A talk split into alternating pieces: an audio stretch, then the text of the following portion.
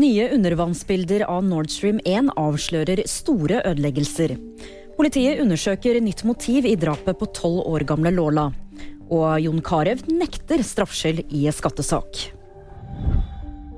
Minst 50 meter av den russiske gassrørledningen Nord Stream 1 er borte eller ligger begravd under havbunnen. Det kommer frem av nye undervannsbilder som avisen Ekspressen har tatt. Det var i slutten av september at det var lekkasjer fra gassrørledningene i Østersjøen. Fransk politi undersøker et nytt motiv i forbindelse med drapet på tolv år gamle Lola.